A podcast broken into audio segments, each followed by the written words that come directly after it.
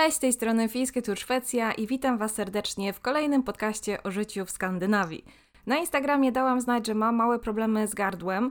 Mam nadzieję, że tego nie słychać. Będę musiała ten podcast nagrywać po takich kawałeczkach, żeby dać radę, ale materiały do tego podcastu zebrałam już kilka dni temu i właściwie codziennie siadałam przed mikrofon i chciałam spróbować nagrać, ale niestety nie dawałam rady, więc dzisiaj postaram się już ten podcast dla Was nagrać. W dzisiejszym odcinku opowiem o chorobie, a właściwie o syndromie, który dotyka tylko dzieci w Szwecji. I temat ten wzbudził ogromne kontrowersje i oczywiście podzielił ludzi na tych, którzy uważają, że jest to bzdura i jest to coś wymyślonego przez rodziców, i na tych, którzy uważają, że faktycznie taka choroba, taki syndrom istnieje. Zrobiłam też na Instagramie taką małą ankietę i zapytałam, czy w ogóle o tym słyszeliście. I faktycznie e, tak 40% osób, które mieszkają w Szwecji albo tą Szwecją się interesują, już gdzieś o tym słyszały, bo to była dosyć głośna sprawa. I dzieci dotknięte tym syndromem przestają jeść, przestają pić, aż czasem przestają w ogóle wstawać z łóżka e, i są w takim stanie, który można by w pewien sposób porównać do śpiączki. I ten stan nazywamy syndromem rezygnacji. I to jest właśnie temat dzisiejszego podcastu. Zanim jednak przejdę do tematu głównego dzisiejszego podcastu, zrobię taki mały wstęp i opowiem, co tu u nas słychać.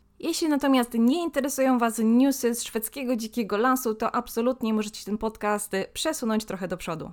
Ja w opisie dodam minutę, od której zaczynam mówić już o tym syndromie, więc możecie spokojnie sobie przewinąć zarówno na Spotify, jak i na YouTubie. Jest taki suwak, śmiało możecie go używać. Mamy już wrzesień, e, czuć, że idzie jesień takimi bardzo dużymi krokami. E, I tutaj w Szwecji wygląda wszystko w ten sposób, e, przynajmniej w tej naszej okolicy, że wiosna przychodzi o ponad miesiąc później niż w Polsce, natomiast jesień zaczyna się już tak, można powiedzieć, że miesiąc wcześniej, czyli u nas początkiem września jest trochę tak jak w Polsce na przełomie września i października. Tak mogłabym to porównać. Warto zwrócić uwagę na takie rzeczy planujące przyjazd do Skandynawii. My na weekend majowy wybraliśmy się do Norwegii na ryby i zastał nas tam śnieg. Uważam, że wrzesień i październik są to naprawdę piękne miesiące i warto do Szwecji jest przyjechać. Wędkarze dobrze o tym wiedzą, bo to jest najlepszy okres na wielkie szczupaki, także zapraszamy. Jesień w Szwecji jest fantastyczna, jest magiczna, jest y, przepięknie, nie jest aż tak bardzo zimno. Wieczorami, rano już być może, ale w dzień jeszcze jest fajne, mocne słońce. Dzień jest całkiem długi, więc ten wrzesień, październik to są takie fajne miesiące, żeby tu przyjechać. Tak, wiem, ja cały czas zachwalam Szwecję i mówię, że tu jest zawsze dobry moment, żeby przyjechać, ale dla wędkarzy, dla turystów, dla osób, które e, interesują się fotografią, e, to jest taki fajny moment. Wychodzą łosie, wszystkie te zwierzęta z lasu, jest ich coraz więcej, stoją na drodze, e, można gdzieś tam je złapać i sfotografować nawet z takiej bliskiej odległości. Pamiętajcie, trzeba uważać, one są w tym okresie dosyć agresywne. Często rano, kiedy temperatury spadają, są tak e, troszeczkę na plusie, powiedzmy plus 1, 2, 3 stopnie, e, a jeziora są jeszcze ciepłe, ponieważ ta ciemna, nagrzana woda dosyć trzyma długo tą taką temperaturę e, i tutaj te jeziora parują. I rano, jak jadę do pracy, jak to widzę, jestem tak wściekła, że nie mogę się zatrzymać i robić zdjęć. Znowuż, jak mamy weekend, to nie zawsze chce mi się tak wcześnie wstać i, i robić zdjęcia, ale jest to tak niesamowite i tak magiczne, a wszyscy fani kryminałów po prostu zapakujcie książkę, zapakujcie ulubiony kryminał i spróbujcie przeczytać właśnie tutaj w takiej chatce w lesie drewnianej. Y, poczuć ten skandynawski klimat to jest absolutnie niesamowite. Właśnie, a co do kryminałów, obiecałam, że będę polecać książki i mam dla Was kilka książek, y, które polecam właśnie na jesienne wieczory. Zrobiłam taki mały przegląd na Instagramie swoich ulubionych książek, które będą idealne właśnie na ten okres, y, czyli tak y, przykrycie takim dużym kocem ciepłym, jakąś kawkę, herbatkę, grzane wino i siedzieć przy kominku i czytać. Nie wiem, jakie Wy macie plany na najbliższe miesiące, ale moja jesień będzie wyglądać właśnie tak. I te wszystkie tytuły książek ze zdjęciami i krótkim opisem znajdziecie w zapisanych relacjach na naszym Instagramie. W opisie będzie link, wystarczy wejść na tą naszą główną stronę. Relacje e, są pod tym głównym naszym zdjęciem, bo tym kółeczkiem wystarczy kliknąć, a zapisane relacje są troszeczkę niżej, jest tam kilka takich kółeczek, na pewno znajdziecie. Nie wszystkie zdjęcia, ale część wrzuciłam też na Facebooka, Fiskę Tour Szwecji o życiu w Skandynawii, tam też możecie zaglądnąć. Więc obecnie jestem na takim etapie, że cieszę się z nadchodzącej jesieni, kupuję sobie świeczki, e, dekoruję sobie dom, jest fajnie, za dwa miesiące będę płakać, że jest ciemno, że jest zimno, że jest brzydko, dzień będzie krótki. E, tutaj u nas um, słońce wstaje, jasno robi się gdzieś tak około godziny dziewiątej, więc ja już od dawna jestem w pracy e, i tak około godziny chyba 16 robi się ciemno, więc ten dzień się robi naprawdę bardzo krótki. I teraz jestem na tym etapie e, właśnie, że się cieszę, że idzie jesień, e, że sobie urządzam właśnie te wszystkie świeczki, koce, skarpetki, wiecie, taki e, dom w stylu skandynawskim, hygge, jest fajnie, jest cieplutko pod kocem, jest herbatka, jest książka, a za dwa miesiące znowu będę nagrywać jak rok temu podcast Jak przetrwać jesień w Skandynawii. Chciałam też bardzo podziękować za wszystkie wiadomości, które od Was dostaję z pytaniami, kiedy będzie kolejny podcast, że słuchacie, że e, czekacie na kolejny. Jest to naprawdę bardzo miłe i to mnie bardzo mobilizuje do tego, żeby nagrywać dalej. Będzie mi bardzo miło, jeśli zasubskrybujecie kanał. E, jeżeli klikniecie dzwoneczek, to dostaniecie powiadomienie o kolejnym podcaście. One się nie pojawiają regularnie, e, więc można łatwo podcast przegapić. Ja oczywiście daję znać na Instagramie, na Facebooku, ale wiecie jak to jest. Zawsze można coś przegapić tamtym tygodniu też na Instagramie robiłam taką małą aktualizację w związku z koronawirusem tutaj u nas w Szwecji, jak wygląda sytuacja. I muszę przyznać, że jest całkiem spokojnie. Statystyki u nas w regionie Wermland wyglądają całkiem obiecująco. Być może jest troszeczkę naiwne z mojej strony, ale przynajmniej ja tak to odczuwam, że to najgorsze mamy za sobą i mam nadzieję, że tak będzie. W Szwecji od początku pandemii bardzo zmieniło się podejście samych Szwedów do tego wirusa e, i muszę przyznać, że jest spokojnie, nie ma paniki, ale jest mobilizacja. Wszyscy stosują się do zaleceń, to znaczy wszyscy. Nie wiem, czy 100% osób. Generalnie w tym moim otoczeniu e, widzę dużą też zmianę, mm, że źle widziane jest na przykład wyjeżdżanie za granicę na jakieś wczasy all inclusive, latanie samolotem, nie wiem, jeżdżenie na jakieś imprezy większe, czy na przykład na jakieś wesele. Nawet y, jeśli ktoś gdzieś jedzie do jakiegoś sklepu, to mówi, nie, nikogo tam nie było, trzymałem dystans, posprzątałem cały stolik, zanim usiadłem gdzieś tam w restauracji. Po prostu wszyscy się pilnujemy, ale dzięki temu możemy w miarę normalnie funkcjonować. Tutaj bardzo dużo też opiera się na zaufaniu do drugiego człowieka, na takim zaufaniu, że jeżeli ktoś jest przeziębiony, ktoś jest, chory, ma jakieś objawy, to nie idzie do pracy i nie zaraża innych. To jest bardzo istotne. I ja tylko kolejny raz podkreślę, że mówię tu o swoich doświadczeniach, o swoim życiu i takim e, subiektywnym wycinku Szwecji. Powiem, że zaraz dostanę 10 wiadomości z informacją, że nie, mój sąsiad chodzi i nie utrzymuje odległości, chodzi kicha na innych ludzi. Podobnie zresztą było z podcastem e, o cenach domów w Szwecji, w którym e, podkreślałam, że Szwecja to jest duży kraj, e, że są ceny różne, tak jak w Polsce. Inne są ceny domów w Warszawie, inne gdzieś tam w jakiejś małej miejscowości, na przykład na południu Polski. I tak samo jest w Szwecji. Można sobie zobaczyć na strony, w których są ceny domów, można zobaczyć sobie region, yy, można zobaczyć, jaki jest standard tych domów, jakie są ceny. Nie ma żadnego problemu. Ja tutaj odnosiłam się do cen w naszych okolicach, które no nie są takie małe. W naszych okolicach nie da się kupić domu za 300 tysięcy. Mówię tu o koronach oczywiście szwedzkich. A takie wiadomości właśnie dostawałam, że ktoś gdzieś tam widział dom taniej albo kupił dom taniej Okej, okay, można to zrobić absolutnie, ale nie w okolicy, w której mieszkamy, nie w naszym miasteczku. Ale jeżeli ktoś znajdzie mi taki dom w naszym miasteczku, to absolutnie dajcie znać, ja jestem bardzo zainteresowana. I prawie bym zapomniała o najnowszym newsie. Norwegia wycofała kwarantannę, znowu jesteśmy na zielono, czyli możemy swobodnie przekraczać granice, możemy jechać do Norwegii. E, I tak samo osoby mieszkające w Norwegii mogą przyjechać do nas.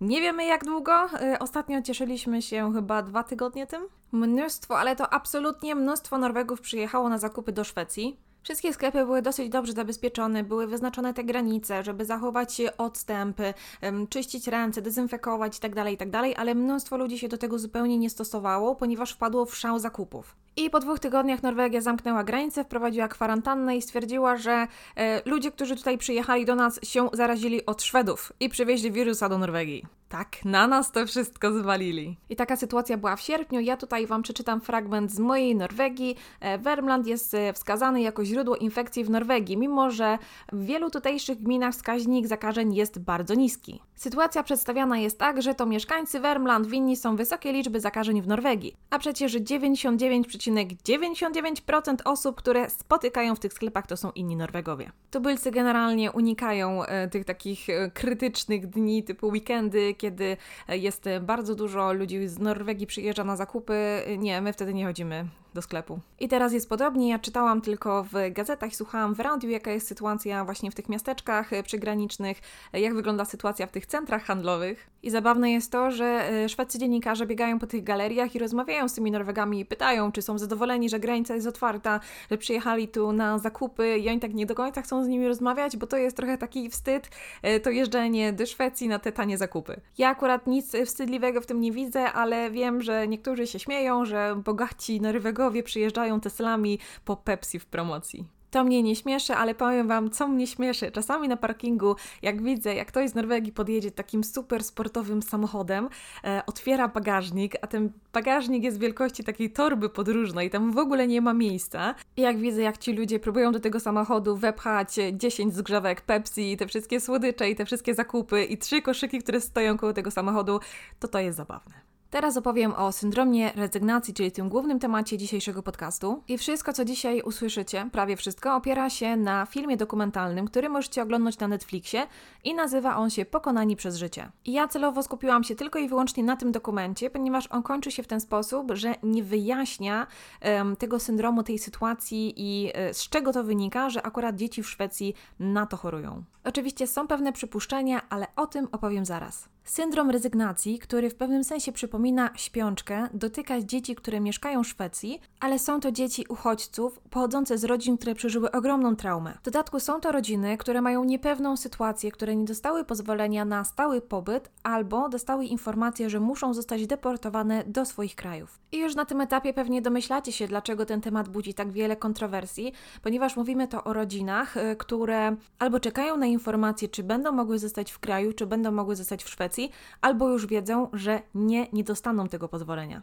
I taka choroba dziecka może się wydawać ostatnią deską ratunku na to, żeby się jeszcze odwołać i jeszcze raz próbować. I faktycznie może wydawać się to dziwne, a nawet podejrzane, że akurat w Szwecji zauważono właśnie taki syndrom, a w innych krajach nie do końca. Na końcu tego dokumentu pojawiła się informacja, że również zanotowano podobne przypadki w obozach dla uchodźców w Australii, więc nie tylko Szwecja. I oczywiście pojawiały się głosy, że dzieci udają, że to rodzice podtruwają dzieci czy faszerują je lekami, żeby doprowadzić właśnie do takiego stanu e, i żeby dzięki temu w Szwecji zostać. Dokument Pokonani przez życie akurat nie zajmuje się e, tymi kwestiami, e, jakby czy to jest prawda, czy to nie jest prawda. On pokazuje historię kilku rodzin e, i pokazuje, jak wygląda właśnie ten syndrom. Dlatego serdecznie polecam Wam, żeby zobaczyć ten dokument. Jest to naprawdę kilka smutnych historii rodzin, których dzieci w pewnym momencie, można powiedzieć, tak jakby zasnęły. Przestały jeść, przestały pić, Mówi się, że ten syndrom rezygnacji to jest taka ucieczka od życiowych trudności i problemów. Pracownik do spraw imigracji właśnie w tym dokumencie tłumaczy to w ten sposób.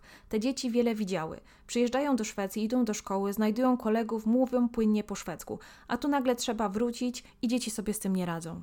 Niestety takie życie w niepewności. Mieszkacie rok, dwa w Szwecji i nie wiecie, czy będziecie mogli w tym kraju zostać. Chcecie się uczyć języka, chcecie pracować, ale wasza sytuacja jest y, niepewna. Ja pamiętam, jak y, ja sama zastanawiałam się, jak to będzie w Szwecji wyglądać, czy ja dostanę uprawnienie, czy będę mogła tutaj pracować. Y, a ciężko jest to porównać do sytuacji ludzi, którzy starają się o azyl tutaj w Szwecji. To jest zupełnie nieporównywalne i ten stres, że grozi wam deportacja w każdej chwili i wracacie do kraju, w którym może grozić wam śmierć bo tak jest akurat w przypadku e, tych rodzin, które wystąpiły w tym dokumencie. Poprzednie traumy, taki brak stabilizacji i poczucia bezpieczeństwa to musi być coś strasznego dla tych rodzin i niewątpliwie dzieci to odczuwają, ten stres rodziców. I ten syndrom rezygnacji to jest pewien proces, to nie jest tak, że to się dzieje z dnia na dzień. I z relacji rodziców, jak i specjalistów, którzy zajmują się tymi dziećmi, wygląda to w ten sposób, że dzieci jedzą mniej, piją mniej, przestają mówić, aż w końcu leżą i przestają zupełnie jeść i pić. Powiem szczerze, że oglądając ten dokument, ciężko ciężko byłoby mi uwierzyć, że jakikolwiek rodzic jest w stanie zmusić, nawet jeżeli byłby bardzo zdesperowany, ale zmusić dziecko do tego, żeby leżało przez kilka miesięcy. Dzieci, jak już wspomniałam wcześniej, nie piją, nie jedzą, więc karmione są przez sondę. Są badane w ten sposób, że mierzy im się ciśnienie, a później to ciśnienie mierzy się jeszcze raz, ale na brzuch kładzie się kostki lodu, coś zamrożonego, bardzo zimnego, no i te dzieci nie reagują. I ten syndrom w Szwecji obserwuje się od 15 lat, a w ostatnich trzech latach stwierdzono 200 nowych przypadków. Właśnie, a dlaczego Szwecja? W jaki sposób tłumaczy się to, że akurat w Szwecji tak dużo dzieci choruje? Jak wszyscy pewnie wiemy, Szwecja jest to kraj, który od lat przyjmuje dużą liczbę uchodźców. I w ostatnich latach zaostrzono przepisy przyznawania azylu, więc jest to znacznie trudniejszy proces. Nie jest tak łatwo otrzymać to pozwolenie e, stałe na pobyt w Szwecji. I pierwsze przypadki w Szwecji odnotowano w latach 2003-2005. E, no i wszystkie badania wykazały, że dzieci są chore, a nie, że udają albo są podtrywane przez rodziców. I pierwsza bardzo przykra historia w Pokonani przez życie jest to historia Darii, a właściwie Daszy, siedmioletniej dziewczynki, która w tym stanie rezygnacji jest od pięciu miesięcy. I stan dziewczynki zaczął się pogarszać wtedy, kiedy wniosek y, o status uchodźcy został odrzucony y, i groziła im deportacja do kraju. W dodatku Dasha, jak i jej siostra były w trakcie odczytywania tej decyzji o deportacji i w dodatku usłyszały o tych wszystkich traumach, które przeżyli rodzice y, w rodzinnym kraju, o których dziewczynki wcześniej nie wiedziały. I Dasza właśnie po tym, nie dość, że jej stan zdrowia się pogorszył, to zgłaszała w szkole, że boi się, że po deportacji zostanie w swoim kraju zamordowana. I bardzo przykro y, słucha się o czymś takim, że siedmioletnie dziecko boi się, że zostanie zamordowane. Siedmioletnie dzieci powinny bać się buki z muminków albo potwora z podłóżka, a nie takich rzeczy, więc mówię tu naprawdę o bardzo dużej traumie. Podwójnej traumie, bo jedna trauma to jest taka, y, kiedy ci ludzie uciekali ze swojego kraju, a druga jest taka, że w momencie, kiedy już się przystosowali do tego życia, nauczyli się języka, mają mają nadzieję, że w końcu gdzieś zostaną, że e, znajdą swój dom i bezpieczne miejsce, to wtedy może się okazać, że zostaną deportowani do kraju, w którym ich życie jest zagrożone. I ta historia akurat e, kończy się całkiem optymistycznie, ponieważ rodzina Daszy otrzymała prawo pobytu w Szwecji i właśnie wtedy Dasza zaczęła wracać do zdrowia. To był proces, który trwał e, kilka miesięcy i ten powrót do zdrowia następuje wtedy, kiedy rodzina czuje się w końcu bezpiecznie. Dasza w stanie rezygnacji była przez ponad rok i po tym czasie, jak już wyzdrowiała, wróciła do szkoły i czuła się tak, jakby po prostu spała przez ten czas. Nie do końca rozumiała, co się z nią działo.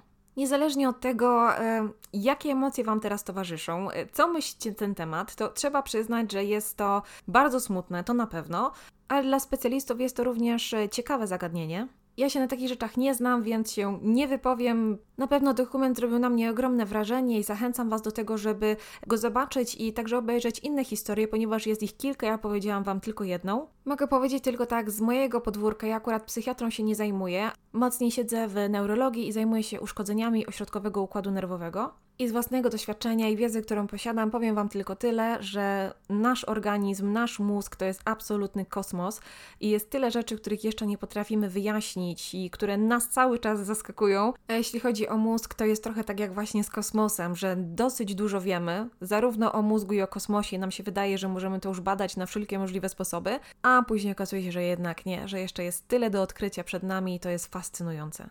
Dlatego ja byłabym bardzo ostrożna z takim mówieniem, że coś może być prawdą, a może nie. E, tutaj zostawiłabym jednak pole do popisu specjalistom, którzy się zajmują takimi pacjentami. Bardzo dziękuję, że wysłuchaliście dzisiejszego podcastu. Mam nadzieję, że ten odcinek Wam się podobał, o ile w ogóle coś takiego może się podobać. Jednak Szwecja to nie tylko kawa i cynamonowe bułeczki, są też różnego rodzaju problemy, o których wydaje mi się też warto wiedzieć, jeżeli Szwecją się interesujecie, mieszkacie tu albo chcecie się tutaj przeprowadzić. Trochę boję się pytać o to, co myślicie na ten temat i boję się prosić o podzielenie się tym Waszym zdaniem w komentarzach. E, wydaje mi się, że wiele osób nie, nie zobaczy w ogóle tego dokumentu i czasami zdarza mi się, że jakieś osoby do mnie piszą albo komentują e, podcasty na podstawie na przykład tytułu. A temat jest dosyć delikatny, więc ja jedynie mogę Was prosić o przemyślenie dwa razy, co napiszecie i taką powściągliwość. Dziękuję za dzisiaj. Moje gardło nie pozwoli mi niestety nagrać już nic dzisiaj więcej, ale dziękuję, że byliście ze mną. Pozdrawiam serdecznie, Fisketur Szwecja. Cześć.